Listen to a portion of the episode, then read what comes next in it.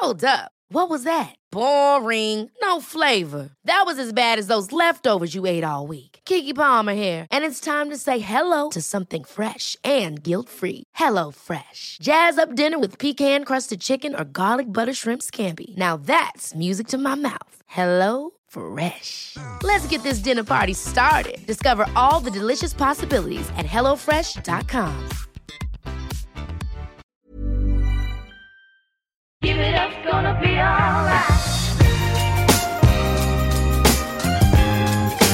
Altså, Den nedtellinga den er ikke så, så farlig som folk tenker. Man blir jo litt sånn man blir usikker. ikke sant? Du sitter foran dataskjermen og så begynner du å telle ned. Da blir man usikker, og det er egentlig litt fint. for eh, dagens episode den skal faktisk dreie seg om, om usikkerhet. Den skal dreie seg om eh, styggen på ryggen. Den skal dreie seg om frykten for å ikke få til. Kanskje til og med frykten for å drite seg ut.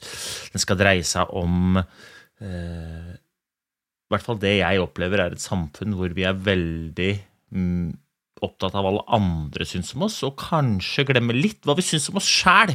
Um, og sammen med meg i dag, da, for å så drodle om dette, har jeg en fyr som, um, som jeg har blitt godt kjent med um, på veldig kort tid. Eh, En fyr jeg eh, første gang traff eh, under innspilling av 71 grader nord hadde æren av å traske med en helt opp til Nordkapp. Etterpå så har vi gjort et par sprell sammen. Veldig hyggelig. Og nå er han da veldig aktuell fordi han skal ut og eh, synge, synge sang, ny sang uh, på Melodi Grand Prix og prøve å kvalifisere seg først videre fra de innledende rundene og deretter til finalen, og så helst da til den internasjonale finalen. Og jeg snakker om He er det lov til å si det, Atle? Hele Norges Atle Pettersen, eller vil du bare at jeg skal si bare Atle Pettersen?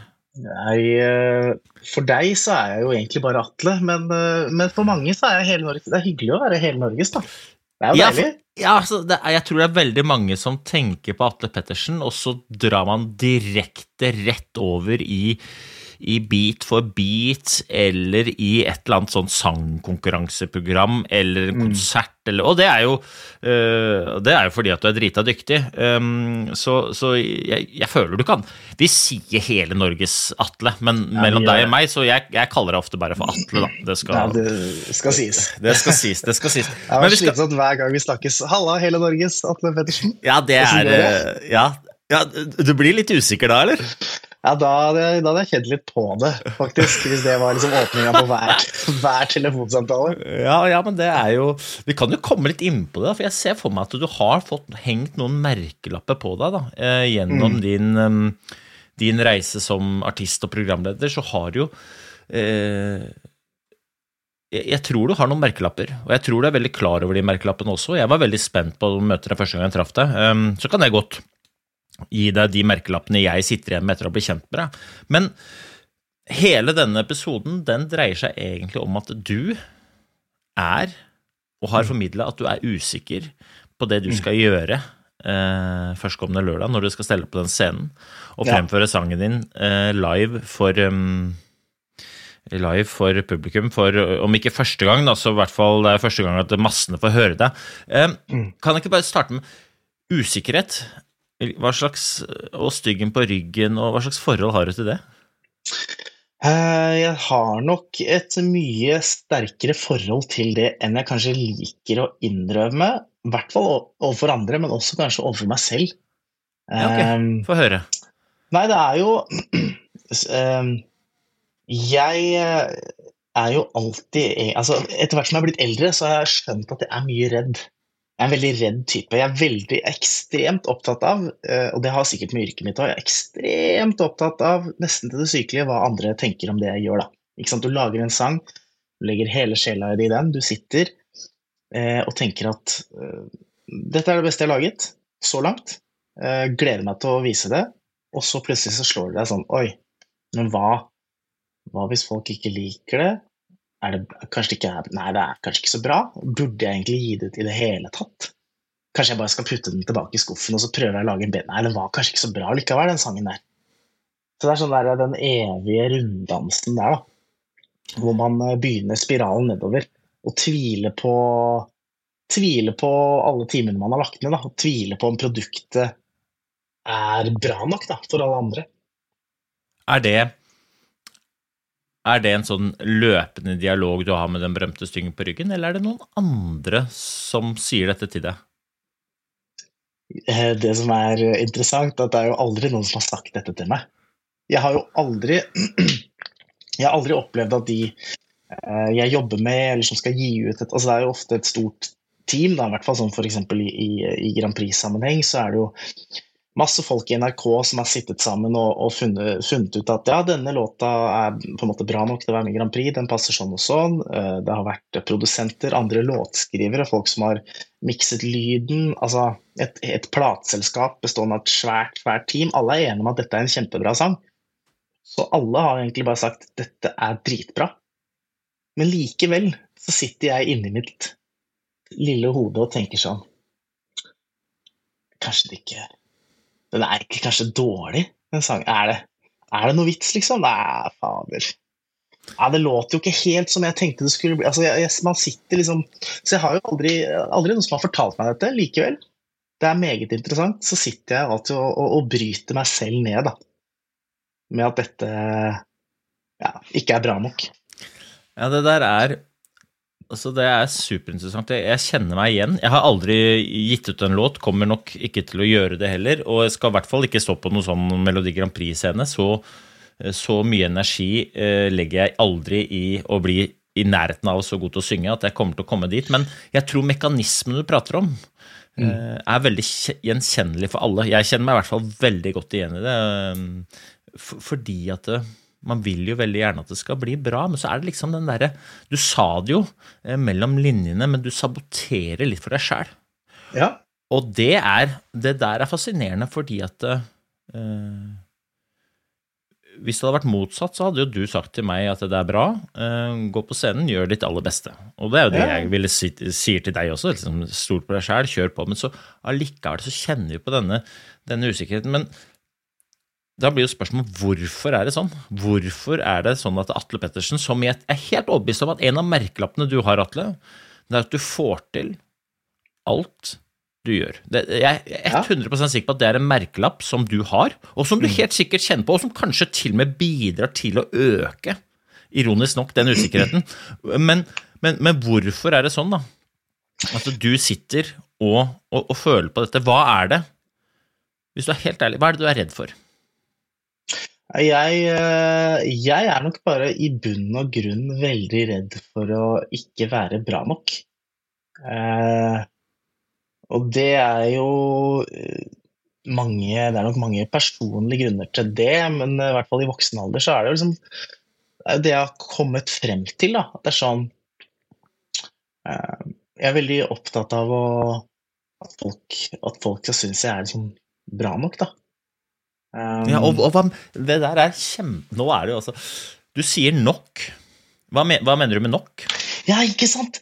Det er det som er så spennende, og jeg tror veldig mange har det sånn. Altså, vi sier det liksom, jeg er redd, jeg føler meg ikke bra, jeg føler meg ikke bra nok, eh, jeg føler meg ikke fin nok, jeg føler, føler meg ikke whatever nok. Men det er et godt spørsmål. Hva er nok? Jeg vet ikke. Eh, Jeg skulle ønske jeg hadde det svaret. Altså, hvis vi hadde visst hva nok var, så hadde vi jo løst alle verdens problemer. Ja, Sånn. jeg, jeg, har- jeg har æren av um, Jeg har æren av å jobbe med mye folk. Mhm. og, og, og noen ganger så får jeg til med æren av å jobbe med unge folk. Og veldig mange av de menneskene de sier akkurat det du sitter og sier. Jeg, ja, men jeg føler ikke at jeg er god nok, og så spør jeg hva er det som er god nok? Og da har de egentlig ikke noe godt svar på det, men jeg tror litt av utfordringa er at vi lever i et sånt sammenligningssamfunn, ikke sant? Ja. Fordi at eh, du føler at du ikke er god nok sammenlignet med et eller annet, og så klarer vi ikke helt å pinpointe det et eller annet. Nei. Men dessverre så er vi sånn at vi, vi sammenligner oss med hverandre, men vi sammenligner oss alltid oppover. Ikke sant? Du vil jo aldri sammenligne dine sangkompetanser med meg, for du vet at jeg suger til å synge. Det har jeg bevist uh, mange ganger. Ja, det var Eh, ikke så du- så gærent, altså. Nei, men Hvis du hadde sammenlignet deg selv nedover, Ja, ja. Så tror jeg du hadde sagt fy søren, jeg er god nok. Men vi sammenligner oss oppover med det etterlatte inntrykket at jeg er aldri god nok, og så søker vi kanskje eh, perfeksjonismen. Men altså, jeg har jo drevet med idrett, du driver med, med, med musikk. mekanismene er helt like. Den perfekte idrettsprestasjonen, eller den perfekte sangen, den finnes ikke. Så vi sammenligner oss alltid med noe som egentlig ikke finnes. Mm. Og da tror jeg at altfor mange blir sittende igjen med inntrykk at jeg ikke er god nok. Mm. Og det her ja, er jo rett i det. jeg, jeg pleier å stille folk Og så skal jeg stille deg det spørsmålet. Og det her håper jeg lytterne kan stille seg. Og hvis de kjenner seg igjen ikke sant? For jeg spurte hva er det du er redd for, og så sa du at det ikke er god nok. Ok. Er du redd for å ikke være god nok? Eller er du redd for at jeg skal synes at du ikke er god nok? Hva er du mest redd for? I 100% det siste. Ja. Uh, I hvert fall for min del. Uh, så er det, det handler mest om folk rundt meg. Og så, men det, jeg tror nok for min del, da, rent personlig, og det, det, det går nok igjen i veldig mange bransjer og yrker eller hva enn man driver med, men jeg lever jo at Du har vært idrettsutøver, du veit det. Alt, er, alt skal måles, ikke sant. Alt er målbart. Et resultat. Alt skal ned i et Excel-ark og bli et eller annet tall. Et salgsresultat, et streamingresultat, ikke sant. Eh, og man er avhengig av å levere eh, bra tall for at folk skal gidde å bruke tid og penger og fortsette å prioritere deg. Da. Så derfor, eh, det er nok også med på at liksom eh, Å skape et press, da. eh, som, eh, som gjør at man kanskje havner sånn konstant i en i en negativ spiral med tanker om sånn Å ja, ok, jeg har laget denne sangen, er det bra nok? Nå spilte jeg denne konserten. Jeg følte kanskje at det egentlig gikk ganske bra, men, var det bra nok? Solgte vi nok billetter på den konserten? Altså, hvordan Altså Det er så mye greier som spiller inn her, da, men alt til syvende og sist eh, handler jo om at jeg skal egentlig i jobben din prøve å da please alle andre. Og så glemmer jeg å ta meg selv inn i ligningen og, og, og, og kjenne på den sånn Jeg følte at ja, vet du hva, dette var faktisk det beste jeg klarte å spille denne sangen i dag. Eller dette var, dette var faktisk dritbra. Jeg hørte på opptaket. Det var kjempebra. Eh, men det er så vanskelig Jeg syns det er så vanskelig å liksom klare å holde det fokuset, da. Ja, og igjen, der er vi igjen tilbake til sammenligningssamfunnet. Og så tror jeg òg at vi er tilbake til et samfunn hvor vi ser hverandre for de resultatene vi skaper, mer enn for den atferden eller innsatsen vi legger ned. ikke sant? Ja. For jeg vet jo at når du går på scenen, så kan du Eller du får mer applaus enn enn sidemannen, bare fordi at du er kjent. Så jeg, jeg tenker at du er bedre enn sidemannen, fordi at jeg har sett deg på TV hele tiden. masse, Jeg vet at du kan synge, ok, og så blir du på en måte bedre. Men ok, men du sier jo du, altså, For jeg er jo helt sikker på at veldig, alle kjenner på usikkerheten. Det tror jeg, Er det noe som er sikkert, så er det at alle sammen kommer til å være usikre. Ja, 100 Eh, og så handler det om å da på en måte erkjenne det, og så ikke la den usikkerheten begrense oss. For jeg tror det er veldig lett å tenke sånn som du tenker. Nei, det er ikke bra nok. Nei, jeg gidder ikke det ene eller andre. Jeg driver på, eh, er ganske aktiv på LinkedIn, legger ut en del eh, snutter der sånn. Og blir også ofte tagga av folk som begynner å legge ut, og de sier akkurat det du sier. Jeg er kjempeusikker på dette er bra nok ikke. Jeg har, gått, jeg har brukt mange uker på å legge det ut, og så legger jeg det ut, og så Så kommer panikken. Men. Ja, ikke sant? Men, men, men så er det da det, det viktige her er jo å erkjenne for seg sjæl hvilke målenhet er det skal bruke for om jeg er fornøyd eller ikke. For dette, du fikk jo syretesta. Du, du slapp denne låta uh, nå denne uka her sånn, ut på Spotify, Mm. og så går du og håper at folk liker den. Og du er jo kjempe... Før du trykker på uh, publiser, i den grad man gjør det i musikk, jeg vet ikke, men i det du trykker 'nå er den åpen', mm. så er du dritfornøyd. Ja, ja. Faen, ja. nå kommer det, folkens. Gled dere. ja. Og så leste jeg eh, eh, Det er ikke ofte jeg går inn og leser anmeldelser på Melodi Grand Prix-låter, men jeg, siden jeg visste at du skulle legge ut, tenkte jeg men det er, det er fint. Jeg hadde hørt låta sjøl, jeg syntes den var helt super. Jeg hørte på den på vei inn til jobb eh, på mandag. Jeg syntes den var helt super. Kosa meg. Kommer hjem, leser på kvelden, så ser jeg Oi, Atle Pettersen. Ternekast én. Mm. Hva gjør det med deg og dine følelser rundt den låta som du, før noen kasta den terningen, var veldig fornøyd med? Nei, altså eh, Alle artister jeg kjenner, og utad, sier jo alltid sånn Ja, De anmelderne får bare mene hva de vil. Jeg bryr meg ikke om det. Eh, Vi bryr oss helt sjukt mye om det. Så det er jo, det er jo som om du har malt et bilde. Eh, nå er det jo også veldig spesielt, for denne sangen er på en måte eh, Det er en veldig personlig historie. og Ironisk nok så har jeg ofte gjennom min musikkarriere eh, og når jeg har sluppet musikk, fått kritikk fordi at tekstene kanskje ikke har hatt noe innhold.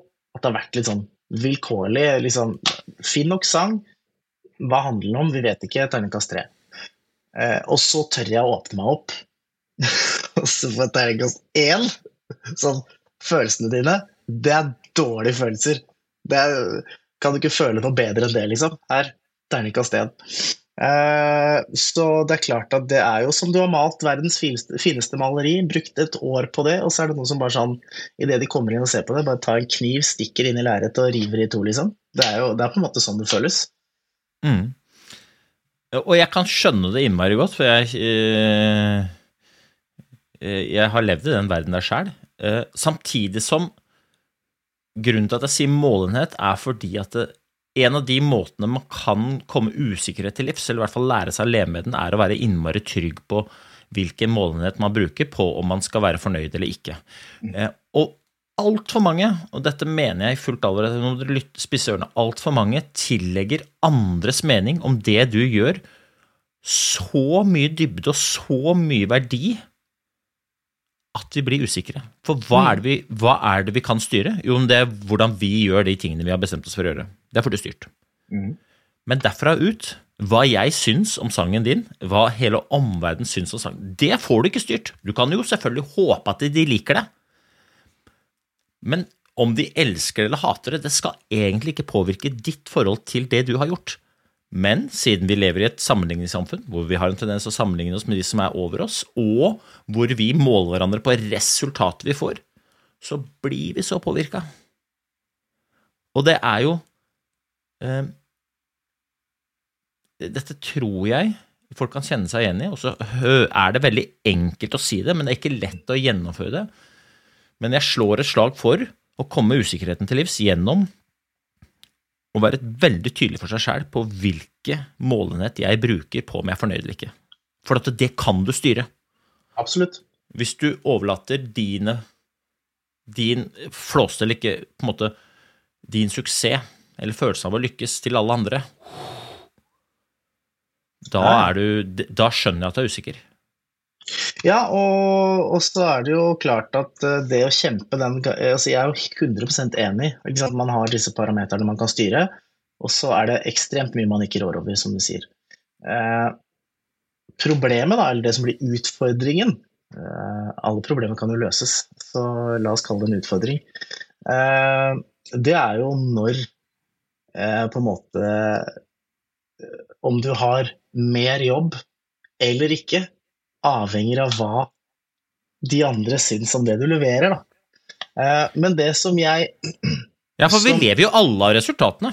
Ja, Det gjør vi jo alle. ja, Men du får ikke styrt alle resultatene, du får bare styrt atferden din.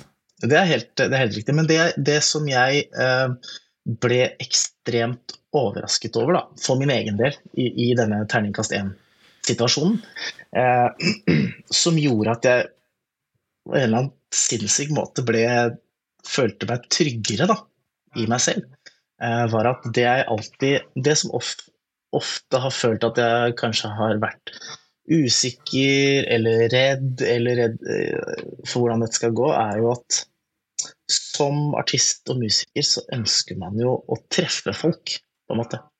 Jeg ønsker å lage en, å lage en sang eller skrive en tekst. og Når du hører den, så skal du føle noe, eller få en eller annen opplevelse. Om det er glede, eller at du kjenner at det er trist, eller bare et eller annet. Og plutselig så satt jeg i en situasjon hvor noen kaster dritt på håndverket mitt, men resultatet av det er at jeg opplever at det er ekstremt mange som bryr seg om denne sangen. Så det terningkast én for meg eh, er kanskje noe av det beste som har skjedd meg. For plutselig så fikk jeg til det jeg ønsker. Her kommer det liksom titusenvis av kommentarer i bakhånd som bare fikk et behov for å si at vet du hva, jeg leste Terningkast 1. Det stemmer overhodet ikke. Dette traff meg liksom rett i hjertet, og den teksten var så viktig for meg. og liksom Jeg fikk jo da det resultatet jeg egentlig ønska. Så det er jo litt interessant, da. Ja, og så da tror jeg du eh, pirker borti noe vesentlig når det kommer til liksom at vi, vi tillegger jo andres oppfatning i mitt hode altfor mye verdi. Men det ironiske er jo at i tillegg til at vi i, i utgangspunktet er usikre på hva alle andre mener, og på en måte tillegger de verdi, så er vi jo tillegger vi de som er negative, alltid mest verdi. Altså det kan være 10 000 som digger det, og så er det én pokal som hater det. Mm. Og da ser du ikke skogen for alle trær. Da er det bare sånn Å, fy flate, dette Og så er styggen på ryggen i gang Ja, og sier noe sånn Hva var det jeg sa til deg, eller dette var dårlig, eller ditten eller datten. Men, men hva sier Hva sier styggen på ryggen til deg, da? Når du, når du får øh, ja, Når du legger det ut, for eksempel, hva, si, hva sier han da? Og hva sier styggen på ryggen når du får ternekast igjen? Og hva sier han nå før du skal gå på scenen? Eh, når, eh, når jeg eh, akkurat har lagt ut, da, og jeg vet at det har kommet en Jeg vet at det fins en anmeldelse, jeg har ikke lest det ennå. I mitt hode kan jeg ikke forstå noe annet enn at dette er terningkast seks. Jeg kan ikke forstå noe annet enn at dette er jo den beste sangen som er laget. Så er det altså det er sånn nesten sånn fysisk reaksjon, altså, hvor det knyter seg idet jeg skal liksom trykke på nrk.no og, og liksom refresh-knappen og se det. Så er det, det er sånn Jeg sier til meg selv jeg vil ikke. Jeg vet hvor mye jeg bryr meg om det. Eh, Så det, det er virkelig Det knyter seg, altså. Styggen på ryggen sier sånn Du kommer til å bli skuffa. Nå kommer du til å bli skuffa. Uansett. Du kommer til å bli skuffa. Eh, og så åpner man opp, og så ser man bare på førstesida på NRK det største bildet. Eh, jeg vil slutte som musikkanmelder, terningkast én, og så føler man bare seg så Til og med så begynte jeg å tenke sånn Fy faen, det bildet er stygt, ass. Altså, plutselig begynte jeg å bry meg om det. Det har ingenting med saken å gjøre. Bare sånn, du er jo stygg å se på! Hva er det du prøver på her, liksom? Så ja. Ref merkelapper, da, så tenker jeg at du har nok eh, Jeg tror nok at stygg ikke er en av merkelappene som du har måttet leve opp til. Eh, Så det jeg, jeg, jeg, er veldig artig at du sier det. Det der er, det der er moro. Ja, men det er det som er Og det sier så mye om den styggen på ryggen, da, hvor mye han eller hun kontrollerer oss. Eh, og hvor stor impact, da. At det er sånn Misforstå meg rett, jeg har aldri sett meg i speilet og tenkt at jeg Fy faen, du er stygg, ass. Det, det er ikke så ofte. Eh, men, men, men det bare Plutselig så begynner man med sånn helt irrelevante tanker. Da, som bare ikke har noe med saken å gjøre. Bare sånn Hvorfor tok du på deg den genseren på det Altså, ja, det har ingenting med saken å gjøre. Nei, for der er du inne på selvsaboteringa. Der tror jeg styggen på ryggen er i aller aller høyeste grad i spill ganske ofte. Hvilke forhold har du til styggen på ryggen? Sånn, hvilke forhold har du til vedkommende? Jeg eh, eh, Jeg har nok eh, et større forhold der også enn jeg liker å innrømme, på en måte. Er det et dårlig forhold? Mm, Hvordan er maktbalansen, på en måte? Jeg har, jeg, har ikke, jeg har ikke reflektert sånn ekstremt mye over det, men eh, jeg liker, jeg liker å tro at på en måte jeg har kontroll. Og jeg er en type som er opptatt av kontroll. Um, eh, så Er ikke det, er ikke det Er ikke det motstridig med at du er veldig opptatt av hva alle andre syns om det? Det er det som er. Jeg vet ikke hvem jeg er. Skjønner du det, eller? Det er bare surr og rør. Jeg, jeg, jeg, jeg skal ikke rote det til, da, men uh, hvem er styggen på ryggen, da? Styggen på ryggen er, eh, det er meg selv. Jeg er min, største, er min egen største kritiker. Uh, Jeg syns aldri at det uh, Hver gang jeg lager en sang, så finnes det et lite øyeblikk der hvor jeg tenker sånn Fader, så bra sang. Og så, når man lager en sang, så har man på en måte skrevet med akkorder og sunget melodien på piano, sånn, så skal man begynne å spille den inn. hver eneste gang så tenker jeg sånn den ble, ikke, den ble ikke så bra som jeg trodde den skulle bli. Det er et eller annet som gikk litt galt i produksjonen her, eller vi fikk ikke ut liksom hele potensialet, da. Vi kom bare til 88 denne gangen nå, liksom. Det, er, jeg kommer liksom aldri helt opp der fordi at jeg er altfor kritisk, da. Eh, og glemmer å ha det litt grann gøy på veien. Ja, for styggen på ryggen er jo øh, Det er jo som du sier, det er jo oss sjøl. Mm. Og så er det veldig lett å frykte styggen på ryggen fordi styggen på ryggen er så innmari sterk. Altså han, han påvirker oss innmari. Men Ja. i og med at styggen på ryggen er deg sjæl, så sier jo det noe om potensialet vårt også, da. ikke sant? Men det er bare at vi, driver, vi bruker styggen på ryggen som sånn selvsabotering istedenfor å ha den på vårt lag. I, I boka mi Helt deg så skriver jeg om styggen på ryggen, og så bruker jeg et sånt tennis, tennismatch som et bilde på hvordan det kan føles å jobbe mot seg sjøl. Du spiller tenniskamp hver dag mot styggen på ryggen, og du frykter styggen på ryggen, for den tennisspilleren er så innmari god. Men i og med at det er oss sjøl, så vil jeg jo flytte den over på min side av nettet, og så begynne å spille double mot noen andre. Hvor jeg har styggen på ryggen på mitt lag, for det styggen på ryggen egentlig vil, det er jo å hindre oss i å drite oss ut. Ja. Fordi at styggen på ryggen er så innmari forfengelig. Ja. Styggen på ryggen vil jo ikke at Atle Pettersen skal se dårlig ut. Nei. Så han vil jo eh, han vil at du skal for all del ikke gi ut ting, for at det er usikkert. Du må ikke gjøre det. Eh, og hvis du gjør det, så kommer du til å drite deg ut. Mm. Men hvis man klarer, da Nå må du henge med. Hvis du klarer å på en måte få styggen på ryggen over på din side av nettet, og så høre på hva styggen på ryggen egentlig sier, for han er jo I hvert fall min er en han, da. Han er jo ærlig. Ja. Og, og veldig lite pedagogisk, men stort sett alltid ærlig og veldig kritisk. Og det er jo fint, men da kan man jo stoppe opp og så høre etter har styggen på ryggen rett eller ikke. For eksempel, ikke gi den ut, den er dårlig. Ok, men Da kan du gå ned og se er låta dårlig. Har jeg slurva? Eller har jeg ikke slurva? Hvis, hvis du har slurva, ja, men nydelig, tusen takk for hjelpa, jeg skal gjøre det litt bedre. Og hvis du mener jeg ikke har slurva, nei, jeg, nei, jeg står for dette, så får vi se hva, hvordan går, men dette er det beste jeg har. Og, få flippa liksom stygget på ryggen over på din side, og heller bruke det som en sånn sparringspartner på å se om bare kvalitetssikre. For det at det styggen på ryggen prøver å hindre oss i, det er jo å gå utenfor komfortsona og eventuelt bli såra. Og hvis man får den på den siden, så kan det jo egentlig bli en styrke, ikke sant? Mm. Da vil ikke styggen på ryggen lenger være motstander, men være en som du har på laget ditt, og som aller Det siste den vil, er å tape. Så den vil kvalitetssikre alt du gjør. Ja, jeg liker, eh, liker den tanken der, altså. Eh, og så tror jeg det også da handler om å Eller det handler bare om en bevisstgjøring av det. ikke sant? At det er sånn, For vi, vi har jo alle en styggen på ryggen uansett hva vi skal. Om vi bare skal ut en lørdagskveld, så står styggen på ryggen der og sier Jaså, skal du ha på deg det der, altså? Er du helt sikker på det? Det er en grunn til at eh, det mest kjente uttrykket er at du har eh, skapet fullt av klær, men ingenting å ha på deg. på. Det er fordi vi eh, ja, vi har denne stemmen i hodet hele tiden. Da.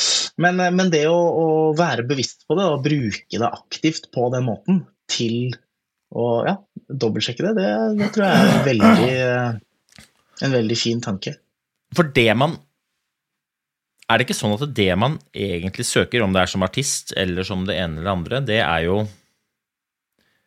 den følelsen av å kunne stå på scenen, gi jernet, reise hjem og kjenne de følelsene som kommer i etterkant av at du har gjort noe. Og veldig For oss å få de følelsene, de sterke følelsene, de klarer du ikke å få med mindre det er litt usikkerhet inne i bildet. Fordi at det, Hvis det er innenfor komfortsonen hele tiden, ja, men da er det veldig trygt, men også veldig kjedelig. Så liksom For at du skal kjenne på de følelsene som vi, jeg tror alle har lyst til å ha, men noen sikkert i mer grad enn andre, men den der følelsen av mestring, fremdrift, utvikling, det å være modig altså, da, da må det jo være litt utfordringer der sånn. Ja, absolutt. Absolutt. Det er jo det som er liksom paradokset her også, i hvert fall for min egen del, at det er også det som driver meg. Jeg skriver jo uendelig mye bedre låter nå enn jeg gjorde for fem år siden. Fordi at jeg hele tiden har tenkt sånn Jo da, det er bra, men jeg kan kanskje litt bedre, eller? Så det er på en måte noe med den der sulten også, da, som er litt sånn pirrende. Og så må man jo prøve å finne en slags balanse der, da, fordi det kan jo ikke alltid være sånn at Jo vi fikk det dritbra. Det er ikke bra nok. Vi må videre. Vi må, vi må liksom I hvert fall personlig så prøver jeg å, å stoppe litt opp i det òg, da. Eh, sånn som i dette Grand Prix-sirkuset nå, så er det veldig Veldig lett at fokuset At det eneste fokuset er sånn skal, Nå skal jeg komme meg til finalen. Det er jo det jeg vil. Eh, som du og jeg snakket om tidligere, så er det jo på en måte innsatsen du legger ned der og da, som skaper resultatet. Og så rår man nødvendigvis ikke over det, da. Eh, Nei, eller så- altså, Det er så mange ting rundt om Atle Pettersen er Norges representant i Melodi Grand Prix eller Ja, ikke. Som, ikke- junior, men vanlig. Melodi, melodi, jeg er småbarnspappa, du hører det. Ja, ja, deilig. Nei, men Det er så mange ting rundt om du får lov til å representere Norge eller ikke, som du ikke får styrt. Ja. Du håper det. Ja. I likhet med alle andre artister som er det, så håper man jo det. Mm. Men det du får styrt, det er hvordan du møter opp, hvordan du gjør greia di, og Mm. Eh, hvordan du uh, på en måte fremfører låta. Det får du styrt. Ja. Derfra ut er det opp til alle andre. Men da er det jo veldig viktig at man ikke nødvendigvis lar det som skjer fra du er ferdig på scenen og ut, definere om du gjorde det bra eller ikke. Nei, Men det er vel lett å tenke om det var bra nok eller ikke. Men det er noe helt annet. det er noe helt Og annet. nok, det er noe andre som holder på med. Men om det er bra eller ikke, det er det du som styrer. Ja, og at man også klarer, da. Eh, og, og, og dette gjelder jo eh, uansett hva du jobber med også. Eh, at hvis du vil et sted, så må du på en måte da Ok, du skal styre de parameterne du kan, og da må du prøve å liksom være til stede i det, for det glemmer jeg ofte, da. Jeg er så fokusert på at jeg skal komme meg til den finalen, at jeg plutselig begynner å At, at det liksom surrer i hodet mitt hele tiden. Så plutselig så bare sånn Ja, der er jeg faktisk ferdig med den delfinalen, jeg. Bare sånn, hvor var jeg? Jeg var jo ikke til stede på veien her, for det eneste jeg har tenkt på, er at jeg skal til finalen. Men jeg glemte på en måte å, å ha det litt gøy oppi det her, og, og fokusere på at jeg faktisk skal få lov til å fremføre denne sangen, og føler at jeg har et bra resultat. Jeg føler at jeg har en bra låt, eh, en bra outfit, et bra show, lys Altså men hele tiden så har jeg tenkt bare sånn finale, finale, finale. finale. Så, så det er noe med å bare flytte det fokuset, da. Og da tror jo jeg da at uh, man går av scenen og tenker sånn Shit, ass, dette var det beste jeg kunne få til nå. Ja, og, og da tror jeg jo at du uh, kommer til å prestere så godt at uh, du har størst sjanse for å komme dit også. Ikke sant? Det, er, det er det som er fascinerende med Styggen på ryggen, at den spiller deg så innmari dårlig før du går ut og gjør det du har lyst til å få til. Ja. Ikke sant? Det er jo helt Du har altså så lyst til å komme deg til den finalen. Styggen på ryggen står der og sier du kommer til å drite deg ut. Også, det er en kjempedårlig inngang Ja, ja. på å Altså, te, et, et hverdagslig eksempel. Da. Ikke sant? Du er eh, pappa, og kiden din skal lære å sykle. Mhm. Og, og da vet jo kiden at 'jeg kan ikke sykle'. Usikkerheten den er kjempestor, og vedkommende har helt sikkert en styggen på ryggen, men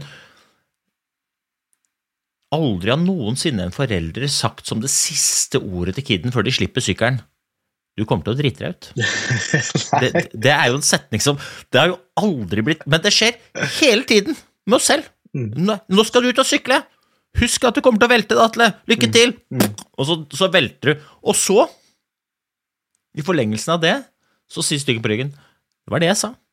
Og så drar du hjem med halen mellom beina med etterlatt inntrykk av at jeg velter på sykkel. Mm.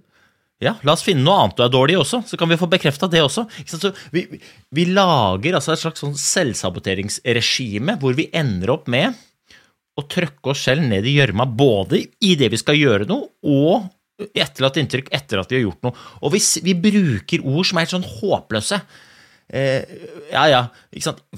Styggen på ryggen herjer i veldig mange situasjoner, tror jeg, og så, og så blir man stilt overfor en utfordring styggen på ryggen kommer til å si til deg at du er dårlig, så sier vi til omverdenen ja, ok, jeg er ikke så veldig god i akkurat det, men jeg kan prøve. Én, vi erkjenner at vi er dårlig. To, vi sier vi skal prøve, og i det vi sier prøve, så sier vi egentlig det kommer ikke til å gå. Altså, vi sier vi, Jeg liker ikke ordet prøve, for at det er sånn helt hopp. Hva mener du med det, liksom? Det verste, det verste er den derre Jeg prøvde å ringe deg i går, Atle. Hva mener du med det? Prøvde du å ringe meg? Slo du nummer og glemte å trykke på grønne? Eller hadde du feil nummer? Eller gikk du tom for batteri? Eller ringte du meg, og så tok jeg den ikke? Det er eller ga du det- verste jeg veit om sjøl. Hvis, hvis du spør kompisene da Ja, du, hadde, du kom jo til meg i dag. Hadde du giddet å bare stikke, stikke innom butikken og kjøpe meg melk? Jeg skal prøve på det. Ja, ja, det er sånn. Hva mener du? Prøve Det, og det verste Ja, tenk deg du kommer på Kan ikke si nei, da. Jeg gidder ikke. Du kommer på akutten, liksom, og så står det legen der og sier ja, vi, vi, vi får prøve å hjelpe deg. Sånn, øh, nei, kan jeg, jeg tar en annen lege eh, som, som gjør og så, og så skjønner jeg veldig godt at du kan ikke garantere for resultatet, men jeg vil ikke ha en lege som prøver å hjelpe meg. Nei, nei. Og det, og det enda verre er den derre Det der burde vi prøve. Ja. Burde prøve. Da, da blir jeg usikker. Er sånn. Eller da er jeg egentlig ganske sikker på at dette er ikke, dette er Det ikke bra. aldri til å skje. Nei. Men så Men det vi sier, da eh, Tilbake til det vi prater om, at eh, ok, greit, du erkjenner at du er usikker. Du erkjenner at styggen på ryggen herjer. Du erkjenner at du tillegger i kanskje for stor grad hva andre mener om låta di, din opplevelse av låta sjøl. Men så mitt råd til deg vil jo være, og det typiske rådet er jo Atle, tro på deg sjæl. Ja. Stol på deg selv. Eh, Dette går bra. Men hvordan bygger man tro på seg sjæl i en sånn spiral? Ja, Det er jo et meget godt spørsmål. Meget... Ja, hvordan gjør du det? For jeg vet jo at du kommer til å stelle deg på øh, scenen der. Jeg kommer til å stille meg på den scenen, og så kommer jeg til å eh, tenke at jeg, er 100 awesome. Eh, og nå skal jeg faen meg vise dem. Men Ja, jeg- Hvordan bygger du den trua? Hvordan bygger du den trua? For der er det veldig mange som går på scenen og tenker ja ja, jeg får prøve. Ja, Og alle de som prøver på noe på en sånn scene hmm, Iff, eh, det går ikke. Nei, Nei, du må uh, gjøre.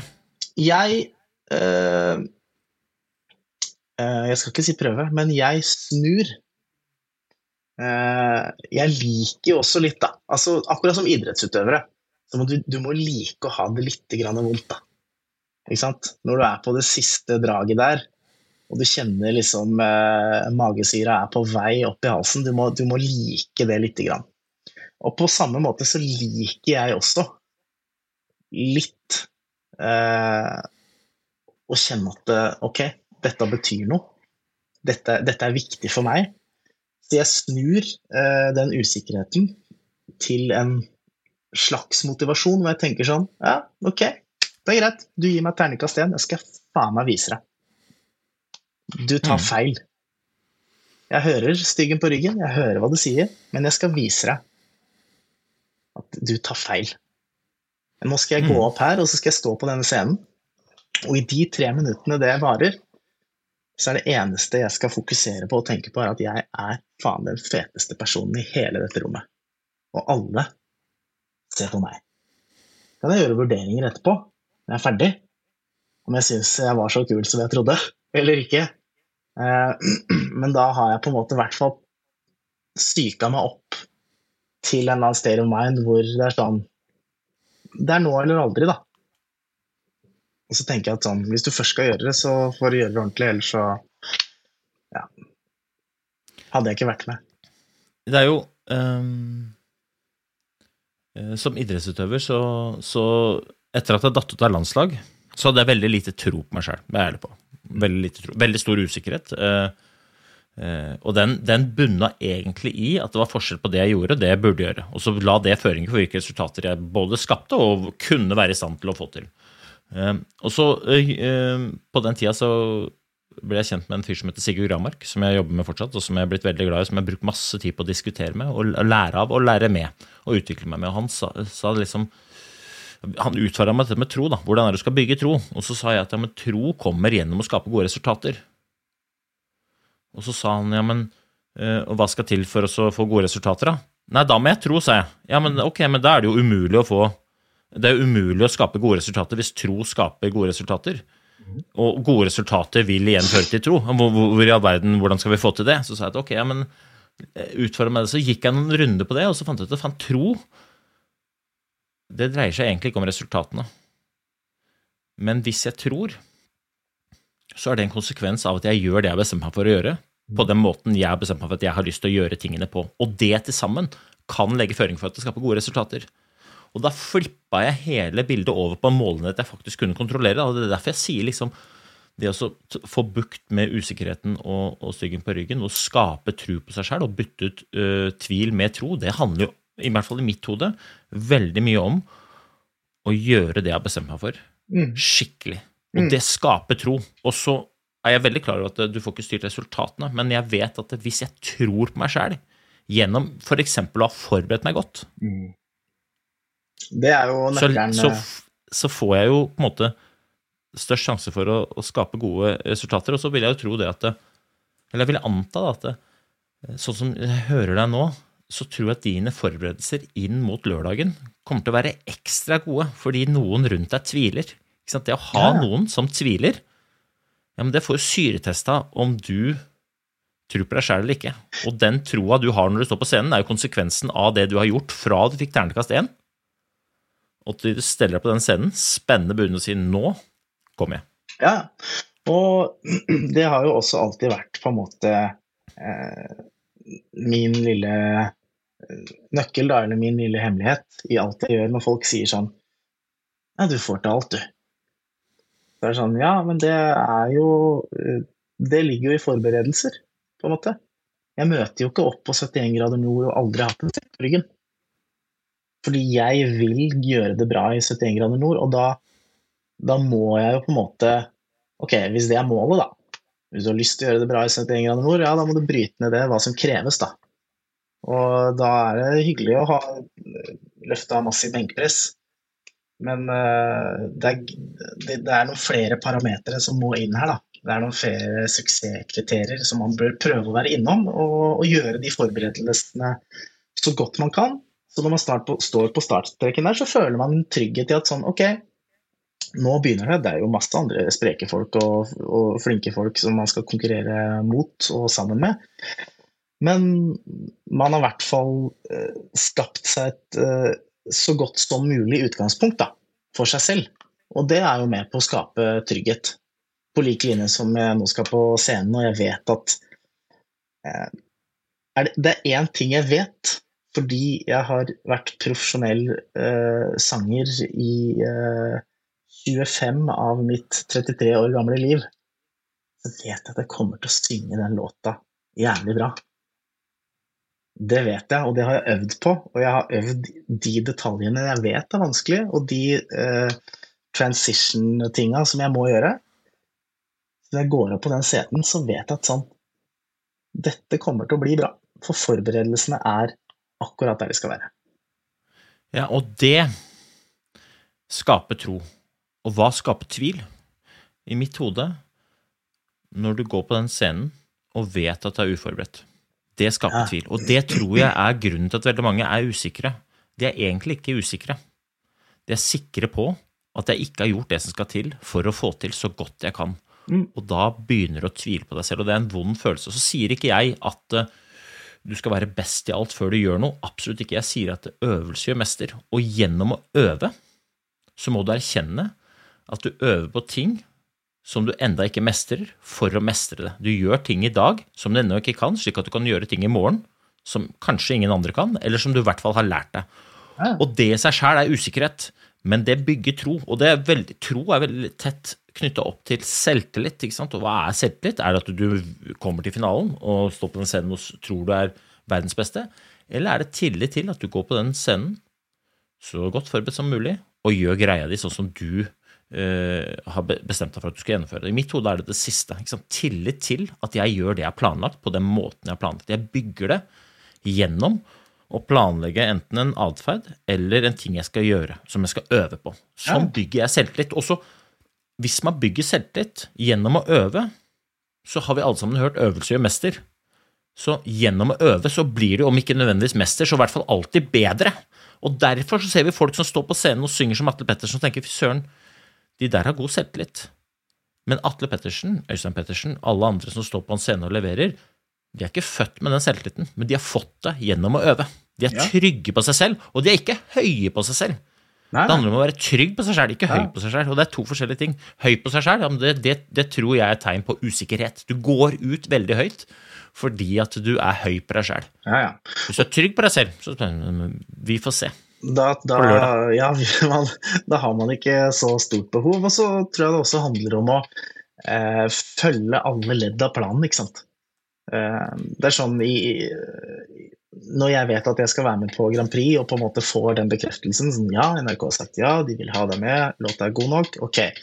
Så setter vi oss ned, ikke sant, plateselskapet alt, vi legger en plan. Den planen begynte allerede i november.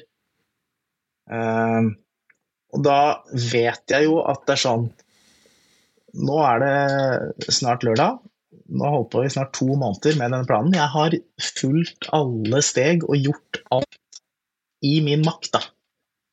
Eh, og det også er med på å skape den troen, da. Ikke sant? Fordi én ting er jo det handler om opptreden, men Grand Prix handler også vel så mye om å på en måte tørre å være litt sånn out there, da. Si til folk, vet du hva, jeg trenger at du stemmer på meg. Jeg, nå har du fulgt meg i mange år, liksom. Nå trenger jeg deg. Det å bare tørre å si de, si de tingene og skape det engasjementet. Være der ute. Har du hørt låta, sjekk ut låta, alt det der. Jeg har, liksom, jeg har fulgt planen. Jeg har prøvd å gjøre alt som er i min makt, med det jeg rår over. Eh, og så skal alt resultere i de tre minuttene. Men, men jeg har troa på det fordi jeg har gjennomført det jeg satt meg, sa til meg selv at jeg skulle gjennomføre. Hele veien. Det er veldig lett å bli usikker hvis du har hatt en plan, og så skulle du lage en video på mandag, men så ble det ikke noe på mandag, så veit du at du burde gjort det. ikke sant? Så kommer tirsdagen, så rakk du ikke da, og så har du, plutselig sitter du der på fredagen, så har du bare litt sånn det her blir jo Ja. ikke noe, ikke sant? Jeg har ikke fått gjort det jeg skulle, og det her blir jo ikke noe greie på. Og da er da spørsmålet, er du da usikker? Eller sier du at du er usikker fordi du håper at det kan gå bra, men du er egentlig sikker på at du ikke har gjort det du skulle? Det er vel eh, mest sannsynlig det siste. Ja, og det der skjer hele tiden. Det der er selvsabotering. Det der er selvsabotering. Ja. Og så lager vi en haug av unnskyldninger, og noen er helt sikkert gode. Ja, ja. Men det legger, det, det, det legger jo føringer for, uh, for hva vi kan få til. Jeg, jeg, jeg mener at dette er litt inne på det jeg kaller for standard, da. Liksom, som er da, i hvert fall sånn som jeg leser begrepet, de små tingene du gjør hele tiden. Det er liksom, det, er, det du gjør på daglig basis, ja, men det er din standard, og så er det mest synlig når du tror det er usynlig. ja, ja. Absolutt. Fordi at Atle Pettersen, du har ikke bare stått i rampelyset og, og, og sunget. Du har øvd dritmye når ingen har sett deg, i kjelleren din. Og så legger den øvinga føringer for hvilke scener du kan få lov til å stå og synge på. Og så ser vi det. Og når du står der, ja, men da er det lett å være god hvis du har gjort det som skal til for å ha egenskapene inne. Og hvis du ikke har det, så er du ikke så usikker. Du er veldig usikker på hva alle andre syns om deg, men du er ganske sikker sjøl på at det, jeg, har ikke, jeg har ikke øvd så mye. Det er eh, et helt annet uh, program, helt annen kontekst, men når jeg stelte meg på scenen uh, på uh, i Maskorama, Mhm.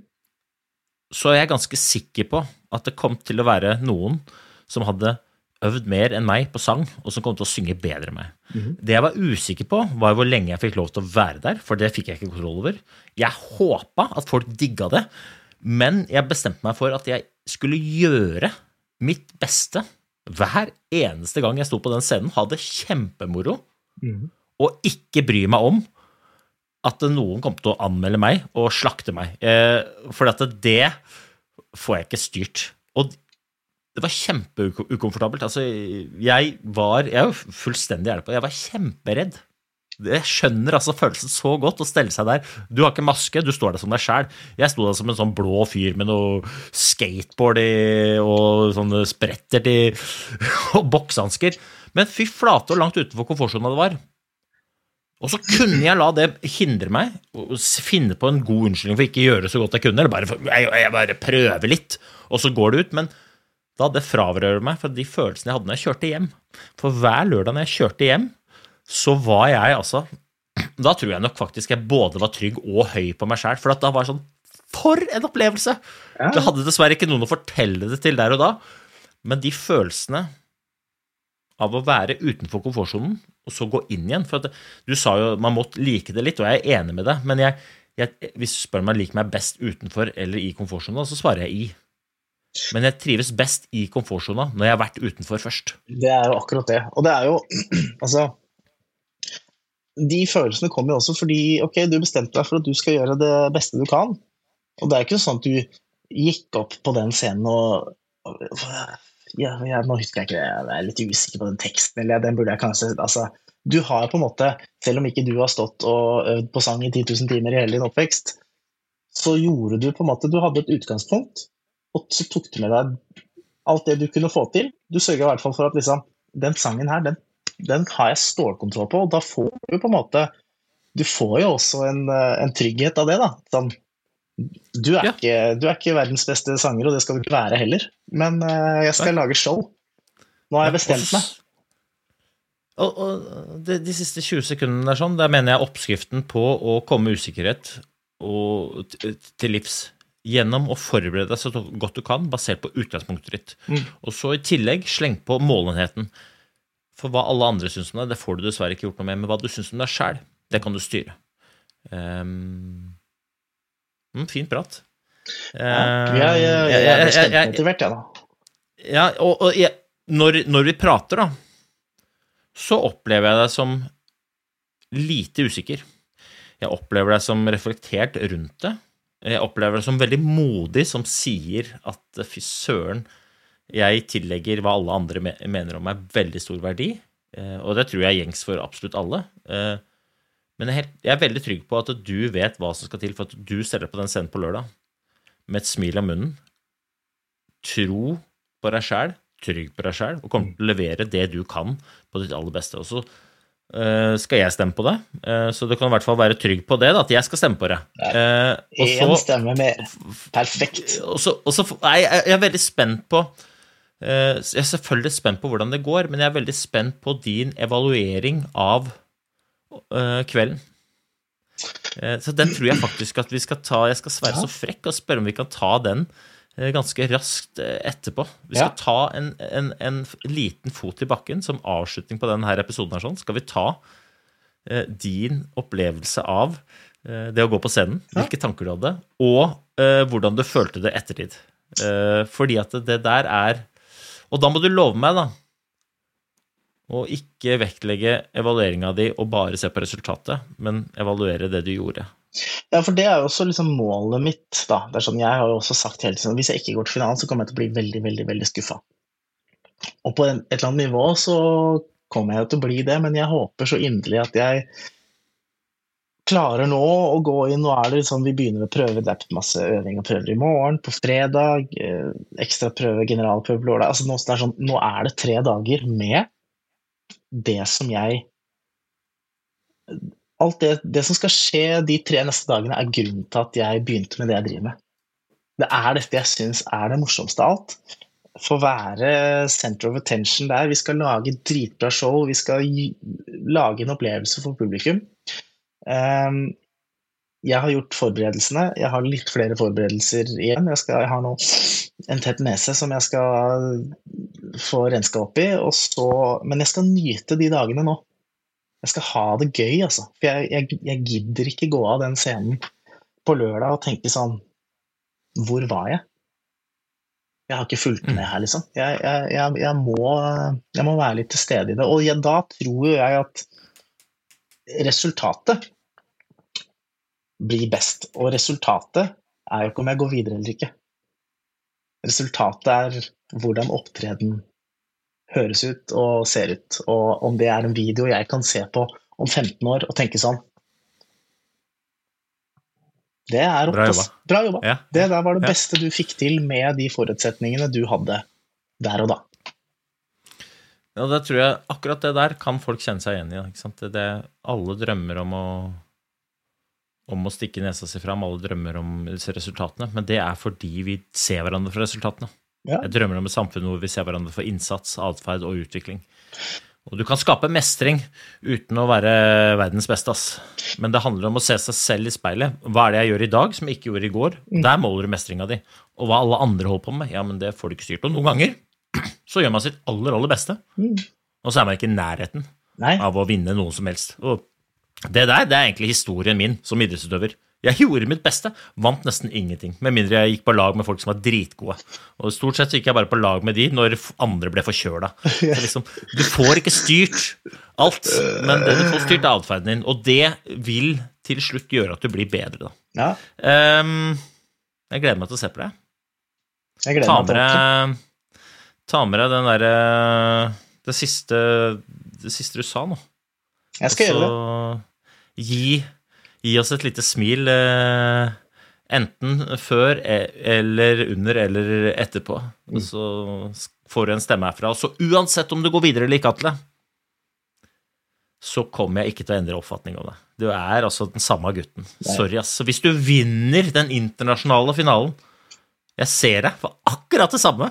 Hvis jeg, som jeg ser deg for i dag. deilig. Det er Sånn skal det det være. samme. Hvis, eh, hvis, eh, hvis jeg vinner den internasjonale finalen, så kommer du fortsatt til å ta meg igjen når du løper ultrabirken og jeg løper eh, vanlig maraton. Kommer fortsatt Ja, til å ta meg igjen. Foreløpig så vil jeg jo si at jeg er ganske sikker på at jeg ikke gjør det. Eh, Og det legger jo, da, da legger jo det svaret føringer for hvor mye jeg har forberedt meg hittil. Men vit at når jeg står på den s- startstreken, da tviler jeg ikke ett nei, sekund. nei, nei.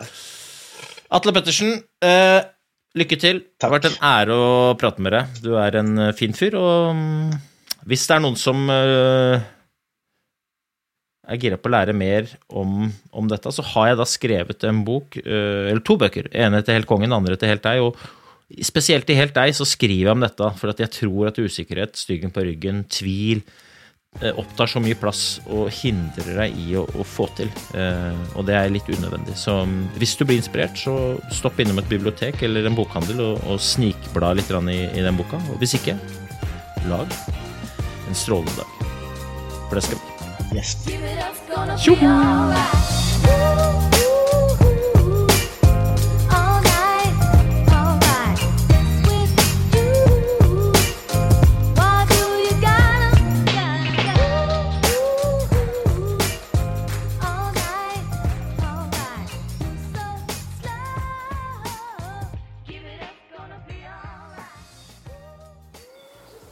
Gode dager.